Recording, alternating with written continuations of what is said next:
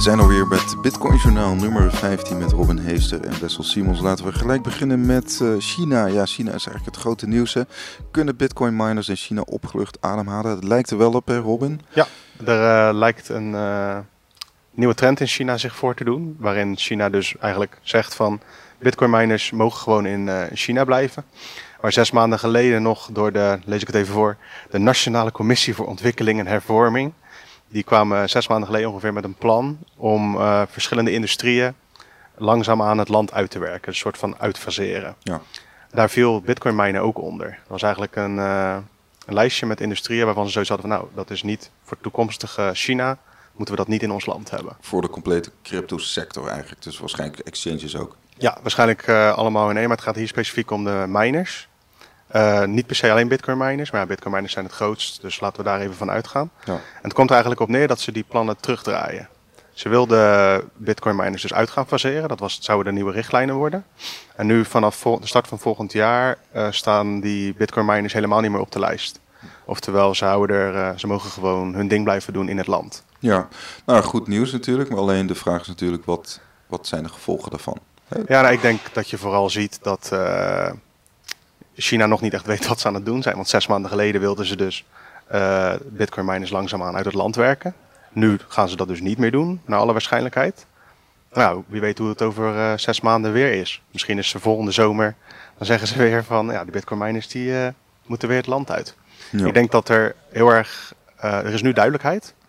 Maar ik kan me voorstellen als, ik daar, als je daar een, een miljoenenbedrijf hebt lopen, dat je toch denkt van, nou, misschien moet ik ook maar even kijken naar landen waar het iets minder snel veranderd kan worden qua regelgeving. Ja, je ziet natuurlijk wel dat, dat miningbedrijven zoals Bitmain en ook pooling en zo, die zijn, uh, mining pools is dat, er, die, ze zijn ook het risico een beetje aan het verspreiden. Hè? Dus ze kijken ook gewoon naar andere plekken om, om te gaan minen. De VS, Noord-Amerika, Canada natuurlijk, en, maar ook uh, Noord-Europa, Scandinavië. Ja, Iran, Oezbekistan zijn ook uh, populaire ja, toevluchtsoorden. Ja, ja, overal waar maar goedkope stroom is. Ja, in principe is het gewoon waar mensen niet willen wonen. Daar kan je bitcoin gaan minen. Ja, dat zijn allemaal uh, landen met toch ook een stroomoverschot. En eigenlijk kun je ook zeggen van... Bitcoin is ook een, een goede manier om zeg maar kilowattuur uh, elektriciteit in waarde uit te drukken, toch? Ja. Zo wordt het ook wel gezien. Ja, klopt. Het is een beetje gewoon het is omzetten van elektriciteit of energie naar geld, naar bitcoin in dit geval. Dat is een beetje een, uh, ja, hoe moet ik dat zeggen, een beetje een meme eigenlijk. Het is wel zo, want je zet, je zet niet letterlijk energie om in bitcoin natuurlijk. Nee. Maar goed, in de praktijk is het wel zo. Op zich, je kilowattuur wordt wel meer waard. Ja, nou ja daar gaan we met z'n allen vanuit in ieder geval. dus, nee, maar ik denk dat er, in, uh, dat er in China nog genoeg staat te gebeuren op dit gebied. Want dit gaat dus specifiek over de miners. Je hebt natuurlijk ook te maken met allemaal crypto exchanges en weet ik wat allemaal die in China actief zijn. Daar is nog niet echt duidelijkheid over. En ik kan me voorstellen dat deze standpunten eigenlijk om de paar maanden gaan veranderen. Want China is nu natuurlijk druk bezig met hun eigen stablecoin en al die andere ongein. En ik denk dat ze het ook laten afhangen van hoe die ontwikkelingen gaan voor wat ze verder gaan doen. En daarnaast gok ik dat ze een dealtje hebben gesloten met de miners. Van joh, we gaan jullie industrie ondersteunen of in ieder geval niet tegenwerken. Maar daar staat dit en dit tegenover. Wat dat dan precies is, weten we niet. Ja. En voor de goede orde, zo'n stablecoin is geen proof of work. Hè? Dat nee, dat heeft eigenlijk niks met bitcoin te maken. Behalve dat ze het doen alsof het een nieuwe, nieuwe vorm van bitcoin is. Maar het is eigenlijk een nieuwe vorm van fiat geld. Daar hebben ze ook geen miners voor nodig. Waarschijnlijk niet. Het is gewoon een, uh, een nieuwe munt uitgegeven door de overheid. Met nog meer controle en nog meer machtsspelletjes die gespeeld kunnen worden. Want er is geen contant geld meer dan. China gaat zo meteen dan helemaal over op zo'n eh, stablecoin.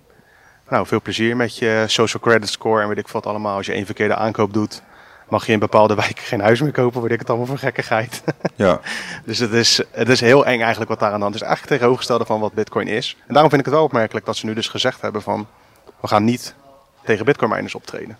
Ja, maar goed, uh, concluderend, het is uh, eigenlijk wel een soort tijdelijke uh, zekerheid of rechtszekerheid kun je zeggen. Beleidszekerheid. Ja, voor, voorlopig is het voor miners in China wel eventjes even ademhalen en even op, tot rust komen. En dan kan ik me voorstellen dat we over een jaar of misschien een half jaar weer zo'n soort gesprek hebben. Ja. Over de regels die weer worden teruggedraaid. Maar dat gaan we zien. Nou, zo uit mijn hoofd er, heb je nog steeds wel een grote Chinese uh, overmacht als het, uh, als het gaat om, uh, om bitcoin mining, toch? Ja, dus ik heb de ongeveer, bij de, bij de hand. Ja, maar... meer dan de helft van de hashpower schijnt uit China te komen. Maar dat zijn dus allemaal losse partijtjes. En dat is denk ik ook de reden waarom het nu is teruggedraaid. Want er wordt gewoon knijten veel geld verdiend door die gasten. En als de overheid daar een deeltje van kan krijgen, of met een bepaalde constructie toch nog een beetje zeggenschap heeft over, dat, over die bedrijven, ja. dan kan ik me voorstellen dat het interessant is voor uh, de Chinese partij.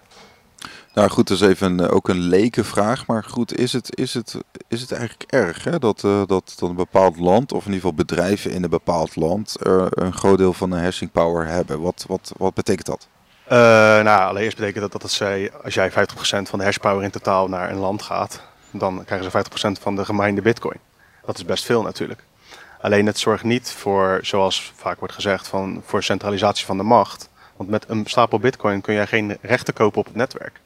Het is niet zo dat als jij... Geen proof of stake. Het is geen proof of stake inderdaad, het is proof of work. Kijk, als jij met die bitcoin vervolgens mining hardware koopt, dan geef je die bitcoin uit, die gaat dan naar de hardwarefabrikant. En jij hebt je mining hardware. En dan kan je wel meer hashpower genereren, maar daarna is je geld op, zeg maar. Het is niet zo dat je constant invloed uit kan blijven oefenen doordat je hashing power hebt.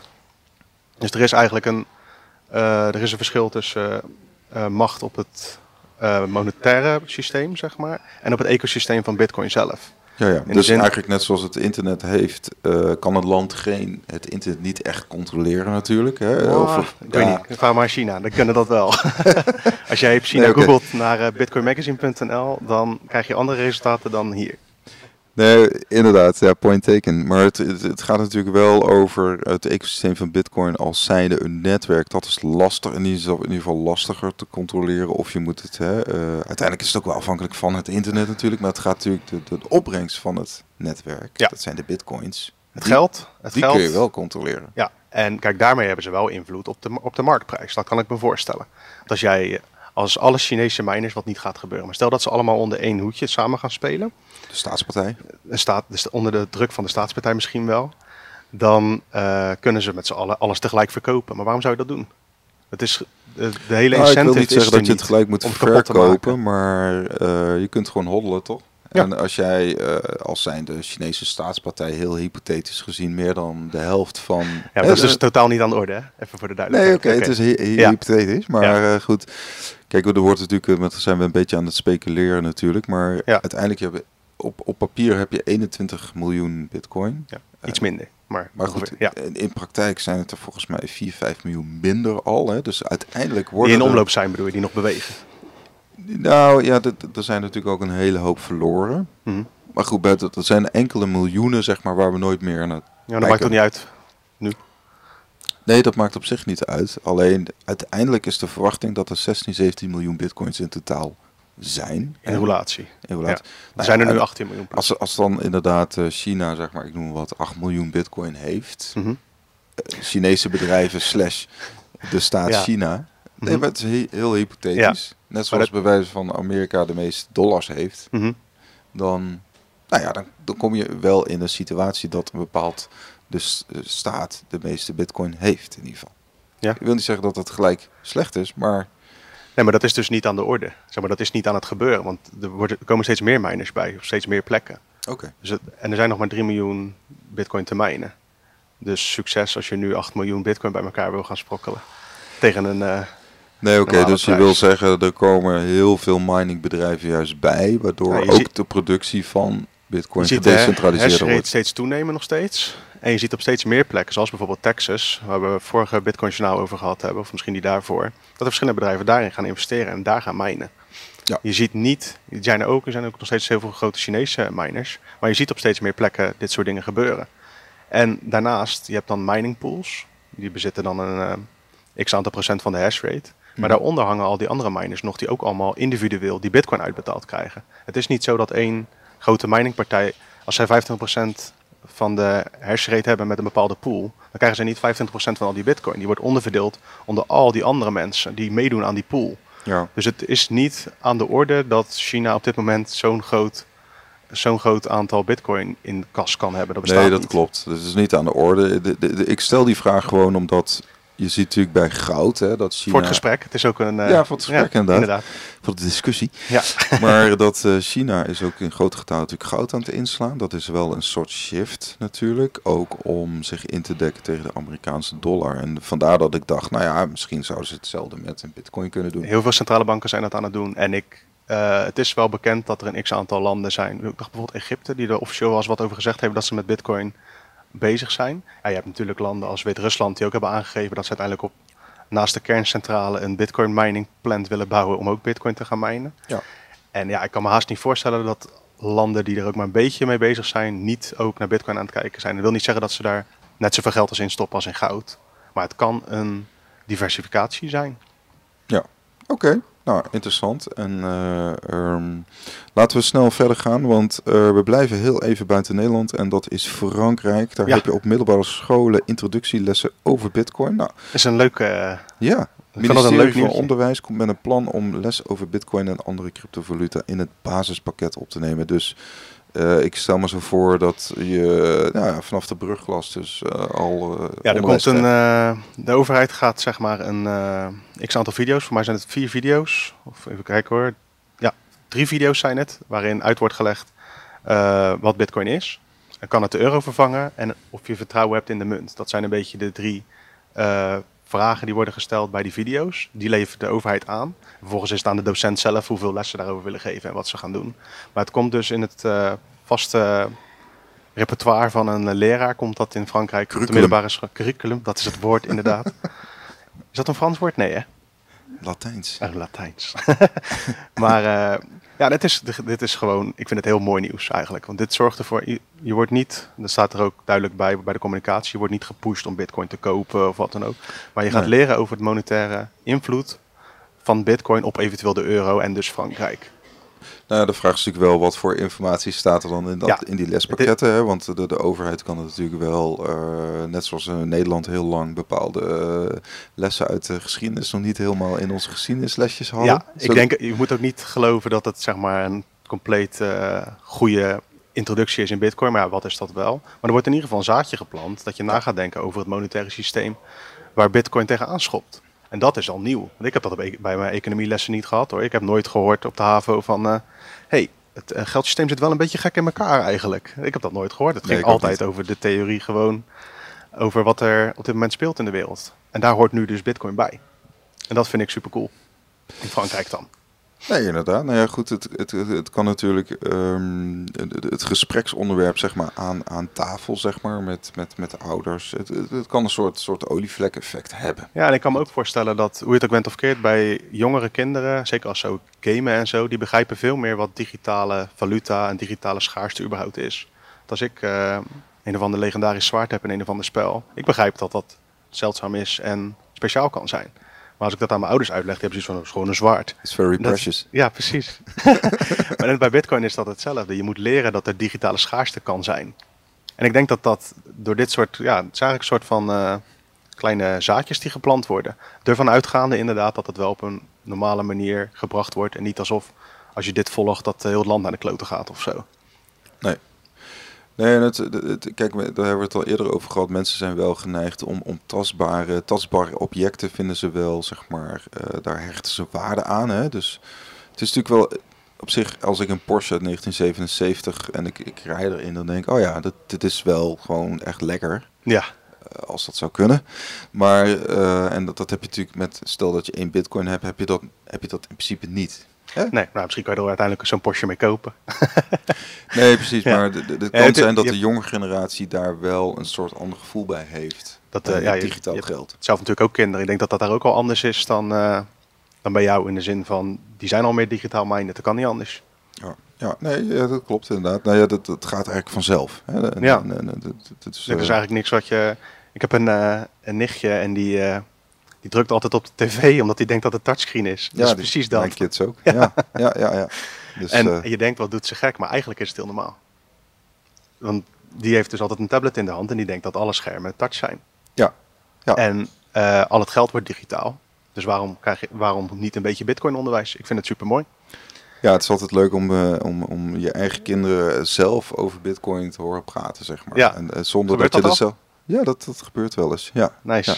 Dus, uit zichzelf. Uit zichzelf, ja.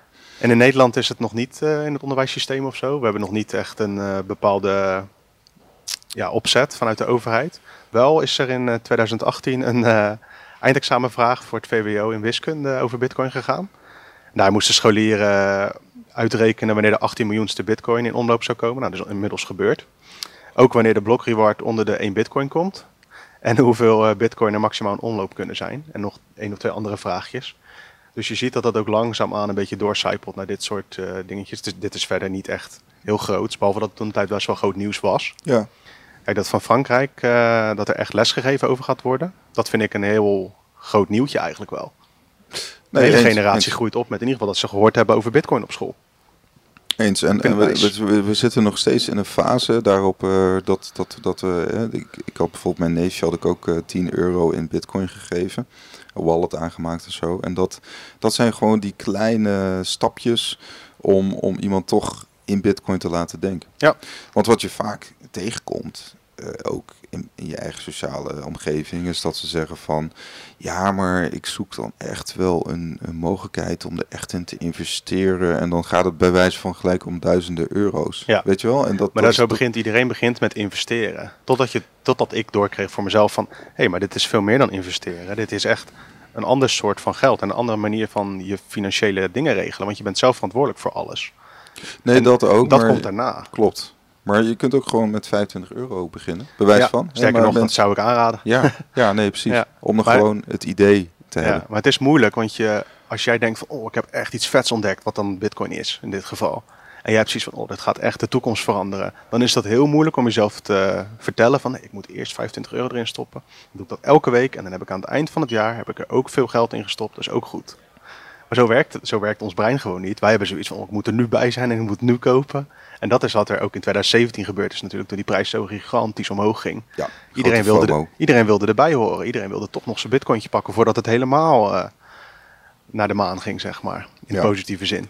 En dat is dus uh, voor heel veel mensen ook wel verkeerd uitgepakt toen de tijd. Nou, niet wetende dat, dat professionele handelaren dan juist uh, erop gaan shorten. Ja. Hè? Dus dat, dat, dat, dat zijn dan andere krachten waar je mee het, Ja, hoe je het bent of verkeerd. Het netwerk van nu is meer waard dan het netwerk van toen tijdens de hoogste uh, prijs van Bitcoin. Qua, fundamentals. Qua fundamentals, qua hashpower, qua ecosysteem, qua Lightning en zo dat allemaal opkomt nu. Goed bruggetje. Ja, inderdaad. Lightning. Uh, we hadden, ja, hartstikke gaaf, weet je wel. Er was een messaging app. Dat was volgens mij een Nederlander die erachter zit. WhatsApp. Joost, Joost, Joost Jager inderdaad, van WhatsApp.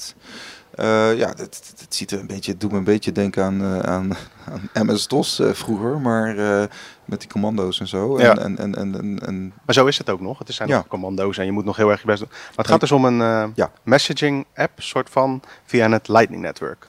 Je hebt nu op het Lightning Network heb je nodes die met elkaar communiceren en die via payment channels kun je dan met elkaar betalen, bitcoin transacten. Hij heeft er een soort van laag bovenop gebouwd, dus als Lightning Network second layer is, de onderlaag van Bitcoin is de first layer. is eigenlijk een soort van derde laag bovenop Lightning. Waarmee je in plaats van waardetransacties verstuur je gewoon berichten. Dan denk ik, nou, boeien, dat, uh, het zal wel, ik verstuur ook via WhatsApp. Maar het mooie is dat dit dus berichten zijn die alleen tussen jou en mij, in dit geval bij wijze van spreken, uh, verstuurd worden. Waarin niemand dus mee kan lezen. Privé. de data, het is puur privé. De data is alleen voor jou en mij beschikbaar. Als ik is dat dan een soort uh, en, en, encryptie? Zoals ja, het is gewoon uh, encrypted als in van, uh, je hebt bijvoorbeeld Signal die dat goed doet qua messaging apps. Maar dit is dus nog een stukje veiliger, want hier hoef je helemaal niemand te vertrouwen. Het is, het is, het is gewoon offline ook, toch? Ja, nou, het, is, het, is, ja. het is online, ja. maar eigenlijk is het offline inderdaad. Of, chain, ja. moet ik zeggen. Nee, er is eigenlijk, heeft het niks met Bitcoin te maken. Het heeft alleen maar met Lightning Network te maken. En dat is het, het coole daaraan. Wat ik wel begreep is dat er waarschijnlijk dan een soort van dat je één satje hebt, één Satoshi. En die stuur je constant heen en weer met de berichten erbij. Dat is een beetje hoe ik het begreep, maar dat is even... Dus het kost één satje, dat is dat is Ja, maar als je die constant heen en weer stuurt, dan is dat niks. Ik weet niet of dat... Dat is een speculatie van mij, maar dat las ik ergens in een Reddit-comment dat dat zo ongeveer werkte. Dus uh, pin me er niet op vast. Maar het komt er dus op neer dat je nu op het uh, testnet van Lightning kun je al aan de slag. Als je op GitHub uh, gaat zoeken naar WhatsApp, gewoon wat van WhatsApp en dan set van Satoshi. Dan uh, kun je aan de slag en dan kun je privé berichtjes sturen via het testnet van Lightning. En ja, het is wat je net zei, het lijkt een beetje op MS-DOS op dit moment uh, qua user interface. Ja, als er, als er iemand is die hier een goed appje voor kan bouwen dat lijkt op uh, Telegram of op WhatsApp of weet ik wat allemaal qua user experience. Eén, dan kun je goud geld verdienen, want dan kan je best een bedragje voor vragen voor die download. En twee, dat opent zoveel mogelijkheden voor anoniemere communicatie. Ja, ja dus het is, het, is, het is in die zin een, een, een private versie van bijvoorbeeld misschien ook een Slack of een, of een Discord. Ja, het is echt peer-to-peer chatten. Punt. En het is nu nog dus een, uh, een uitprobeersel en er zullen vasthaken en ogen aan zitten. En het uitrollen zal ook nog wel even duren. Maar het is super interessant dat dit soort praktijken nu dus bovenop het Lightning worden gebouwd. Want het is bedoeld als geld, als uh, transactie, als snelle transactienetwerk. Maar er is dus veel meer mogelijk. Ja, de toepassingen zijn in die zin oneindig. Ik, ik sprak deze week met Jameson Lopp. Jameson Lopp is een, is, hij noemt zichzelf een professional cypherpunk, maar hij is eigenlijk ook een Bitcoin engineer. En, uh, maar goed, hij zei, het grote voordeel van Lightning is gewoon dat het, dat het privé is. Ja, dus, dus dat het, dat, dat het dus je privacy is gewaarborgd. En dat is natuurlijk on-chain niet zo. Nee. Dus. Tenzij je heel erg je best doet, zoals bijvoorbeeld uh, Satoshi, de bedenker van Bitcoin zelf. Weet nog steeds niet wie het is. En die heeft toch echt wel een uh, x aantal Bitcoin op zijn adresjes staan. En die is nog anoniem, dus het kan wel. Alleen je moet daar heel erg zorgvuldig mee omgaan. Wil je dat voor elkaar krijgen? Je moet dan gaan mixen. Hij had wel een kennisvoorsprong. Zei je? Hij had wel een kennisvoorsprong. Hij had zeker een kennisvoorsprong. Voor de gemiddelde Nederlander, zoals, zoals jij en ik gewoon zijn, is het best lastig om anoniem te blijven op het Bitcoin-netwerk.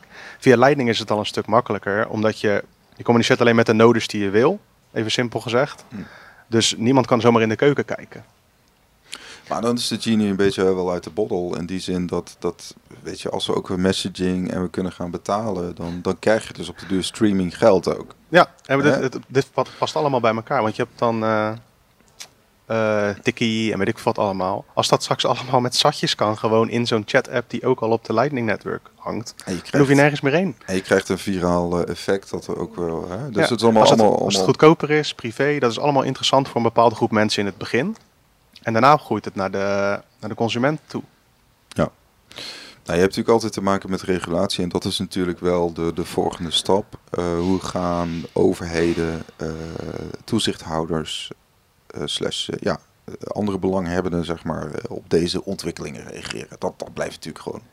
Ja, geen idee, maar ik wens ze veel succes om te reageren op elke Lightning Network node. Dat is, dat is niet te doen. Dus ze moeten daar of helemaal niet op reageren. Of iets geniaals op bedenken wat ik in ieder geval niet kan. Misschien dat zij het wel uh, kunnen. Ja. Ik zou niet weten hoe dit gereguleerd moet worden. Nou, misschien toch nog even een bruggetje naar, naar Bitcoin als betaalmiddel. Want, mhm. want, want Lightning is natuurlijk een scaling-oplossing, een schaalbaarheidsoplossing, omdat we met Bitcoin gaan betalen. Ja. volgens mij, ik weet niet, iemand zei van. Kijk, die staten zijn natuurlijk ook gewoon heel erg bezig om hun ja, hun bestaande valuta uh, soort van te digitaliseren en op de blockchain te zetten. Is, is, is het niet zo dat, dat, dat, dat we natuurlijk nog gewoon een groot deel van de economie blijft soort van draaien op die stablecoins of op, op die nieuwe mhm. digitale versies en dan een deel bepaalde subsectors gaan wel wat met bitcoin doen, maar... Mm dan ga je uit van dat bitcoin niet de standaard wordt, zeg maar. Je had, vroeger had je de goudstandaard. En de, de theorie die ik aanhang is dat je uiteindelijk de Bitcoin standaard hebt. Hm. Gewoon dat je de waarde koppelt van geld aan Bitcoin. Ja. Want wat je hebt met die stablecoins en, en zo, dat is gewoon hetzelfde monetaire beleid als wat je al hebt. Een digitaal jasje. Ja, het is een nieuw digitaal jasje. En daar is eigenlijk alles mee gezegd. Want als we, stel, stel dat je een token euro hebt, dan noemen we het T-euro. De hm, euro. De euro. De, euro, de, eurocoin. ja, whatever. Uh, dan is er nog steeds iemand bij de ECB, of weet ik voor wie, die bepaalt uh, hoeveel er in omloop is, hoeveel er wordt bijgedrukt, wie wel mag gebruik maken van het netwerk, wie niet. Sterker nog. Censuur. Sterker nog, het is nu nog, je hebt nu nog contant geld. Als jij en ik een transactie willen doen die de banken niet willen, dan gaan wij geld pinnen, dan kunnen we dat doen. We doen het niet trouwens, even tussendoor. Maar dat kan. Nou, cash is best wel privé. Ja, dat is super privé. Meer privé dan bitcoin misschien zelfs wel.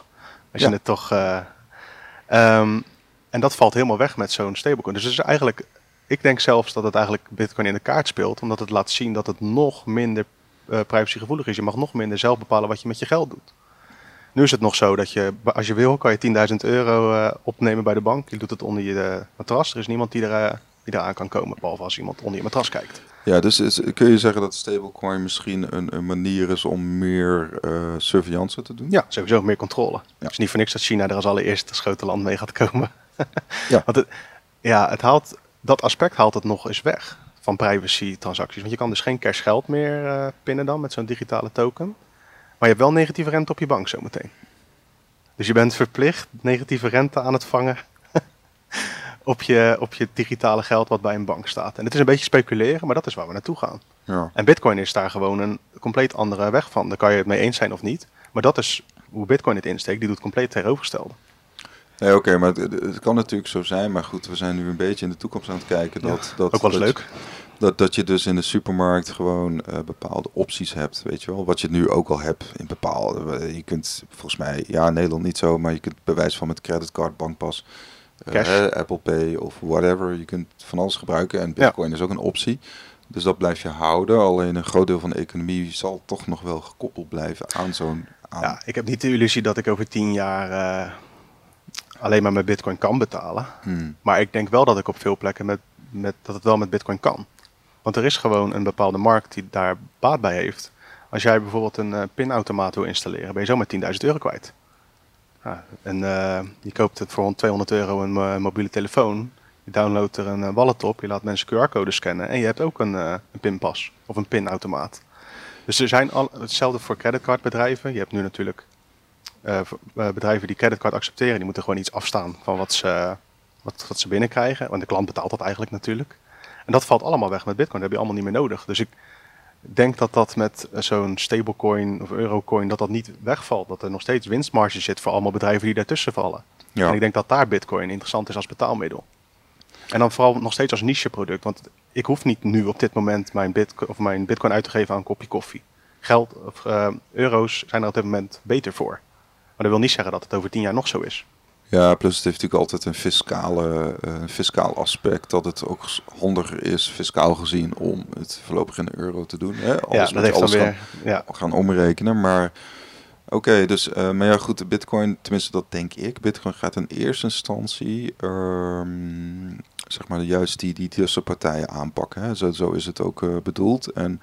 En daarna zeg maar het hele monetaire plaatje met, met, met de overheden, Europa, VS, die komen daarna aan de beurt. Als, als Bitcoin gaat doen wat, we, wat ik denk dat het gaat doen. Maar het zijn eerst de, tussenpersonen, de tussenpartijen, de money Ja, want die zijn niet meer nodig. Want je hebt geen vertrouwenspartij meer nodig voor een transactie. En dat is het hele gave eraan. dus, dus ook ja, misschien zelfs internetbanken of internet uh, betaalproviders zoals uh, PayPal, PayPal, uh, TransferWise. Hè, dus inderdaad, Morley, uh, Atjen. Hè? Ja. dus de, de beurslievelingetjes die gaan uiteindelijk ook eh, wel wat pijn voelen, denk ik. Ja, zeker als het gaat, als er puur alleen maar betaalregeling of betaalregelingen, betaal, betalingsproviders zijn, dan heb je gewoon een probleem. Want Bitcoin is bewijst al dat het goedkoper kan. En het is nog niet klaar. Bitcoin is nooit klaar. Dus de, de product is nog niet zover dat we met z'n allen in plaats van PayPal allemaal op het leidingnetwerk kunnen. Dat gaat gewoon niet. Maar daar wordt wel aan gebouwd. En ik, ik denk dat we dat traject nu aan het inzetten zijn en dat we daar naartoe gaan. Ja, en dan zijn er natuurlijk mensen die zeggen, ja, maar we hebben maar 21 miljoen stuks. Hoe werkt dat dan eigenlijk? En uh, nou ja, elke bitcoin is 100 miljoen sats. Dus je zou het, er, in die zin is er genoeg. En misschien zijn de sats zelf kun je ook nog opdelen. Sats kun je, op het Lightning-netwerk kan dat al. Je kan onder de sats sturen via het Lightning. En in theorie kunnen we met z'n allen on-chain gewoon helemaal op de basislaag met z'n allen afspreken van nou, joh, één Satoshi is nu 10 dollar, even, even voor de grap. dan kunnen we met z'n allen zeggen van nou laten we er nog wat nulletjes uh, voor zetten. Dat, dat kunnen we met z'n allen bepalen als dat nodig is. En dat zou met een druk op de knop zijn dat, dat bijvoorbeeld de president van China en... nee, juist niet. Dat is juist het mooie. Oké, Je mag dat zelf bepalen met je noden. Of jij de regeltjes volgt, ja of nee. Dat is het mooie eraan. Ja, oké. We eindigen met uh, Venezuela, uh, wel bekend als een land met enorme hyperinflatie en ook een behoorlijke ja, penetratie van, van bitcoin en andere cryptovaluta. maar goed, daar zijn ze dus ook bezig met het Lightning-netwerk. maar ze hebben er ook last van, van outages, van, van stroomuitval. Ja, er vallen daar regelmatig hele wijken uit, of hele steden zelfs. Die hebben dan even geen elektriciteit. En er is een, een Venezolaan geweest, even kijken hoe die heet. Randy Brito, ik weet niet of het goed uitspreekt, maar laten we het daarop houden. Die vertelde tegenover Coindesk uh, dat hij bezig is met een, uh, ja, met een manier om uh, leidingtransacties te doen terwijl de stroom uit is gevallen. even kort gezegd, hij heeft gewoon twee apparaatjes, een soort van zender en een soort van receiver. Die kan je over heel het land verspreiden. Ja. En op het moment dat, het uit, dat de stroom ergens uitvalt, dan ga je via dat netwerk, gaat het netwerk net zo lang zoeken tot een contactpunt die wel internet heeft. En dat contactpunt die wel internet heeft, die zorgt dan voor alle transacties die, niet, uh, op, die geen contact hebben met het internet, dat die toch doorkomen. En dat gaat via een satelliet, zie ik, via uh, Ja, hij heeft gewoon twee hardware dingen in het leven geroepen. De Turpio en de Harpy. Ja, die namen boeien niet zoveel. Maar in de praktijk betekent dat dus dat je een netwerk bouwt, een offline netwerk bouwt. Die al die puntjes zijn constant aan het zoeken naar internet. En als er dus geen internet is, dan zenden ze hun transacties door naar degene die wel internet heeft, zodat het alsnog gedaan kan worden. Dus in feite proberen ze eigenlijk een beetje de stroomstoring te omzeilen, even simpel gezegd. Oké, maar het, het, het, het, klinkt wel alsof de betaling langer gaat duren. Uh, ja, dat zal wellicht iets langer duren. Tegelijkertijd, uh, de praktijk weet ik niet, maar het is dus zo, als je geen internet hebt en, of geen stroom, dan is het al beter dan niks. Dit is echt een beta-versie. Hij heeft dit uh, in Berlijn bij de Lightning-conferentie aangekondigd. Hij wil het in 2020 uh, op de markt brengen. Het heet trouwens Loka Mesh. Ik weet niet of ik het goed zeg, misschien is het wel Loka Mesh. Maar ehm, ja, als je dat googelt, dan kan je daar meer over vinden. En het is vooral, ik vind het vooral interessant om te kijken waar dat dan naartoe gaat. Gewoon zo'n toepassing met offline transacties. Ja, want je had ook de Lightning Rod. Hè? Dat is een nieuw offline betalingsprotocol voor het Lightning-netwerk. En de startup Breeze wil... Ehm, ja, zij implementeren dat in hun wallet. Ja. Uh, dus het is hun, in hun wallet gaan ze dat faciliteren. Dus dat is ook offline betalingen. Maar daar heb je wel elektriciteit voor nodig op dat moment natuurlijk. Kun je dat uitleggen? Uh, nou ja, als ik, als ik nu uh, jou wat wil sturen, dan moet ik mijn computer aanzetten. Oké. En daar moet ik stroom voor hebben. Nee, maar kun je een offline betaling doen gewoon met je mobiel? ja, je moet dan eventjes online zijn, zometeen. Dat is nu nog niet geïmplementeerd, maar dat wil Breeze dus implementeren. Je moet dan eventjes online zijn om het te versturen, net als een WhatsAppje. En daarna kun je weg. Nu in de praktijk is dat nog niet zo. Je moet nu wachten tot je andere, dat de ontvanger ook online is. Dan moet je samen online zijn en dan kan je een transactie op het leidingnetwerk doen. Ja, en als je inderdaad meer wil weten over, uh, over Bitcoin, dan ga je naar bitcoinmagazine.nl en uh, naar de socials. En ja, binnenkort is er ook weer een podcast, de Hub Bitcoin podcast van uh, Robin Heester. En ja, tot de volgende keer. Yes, later.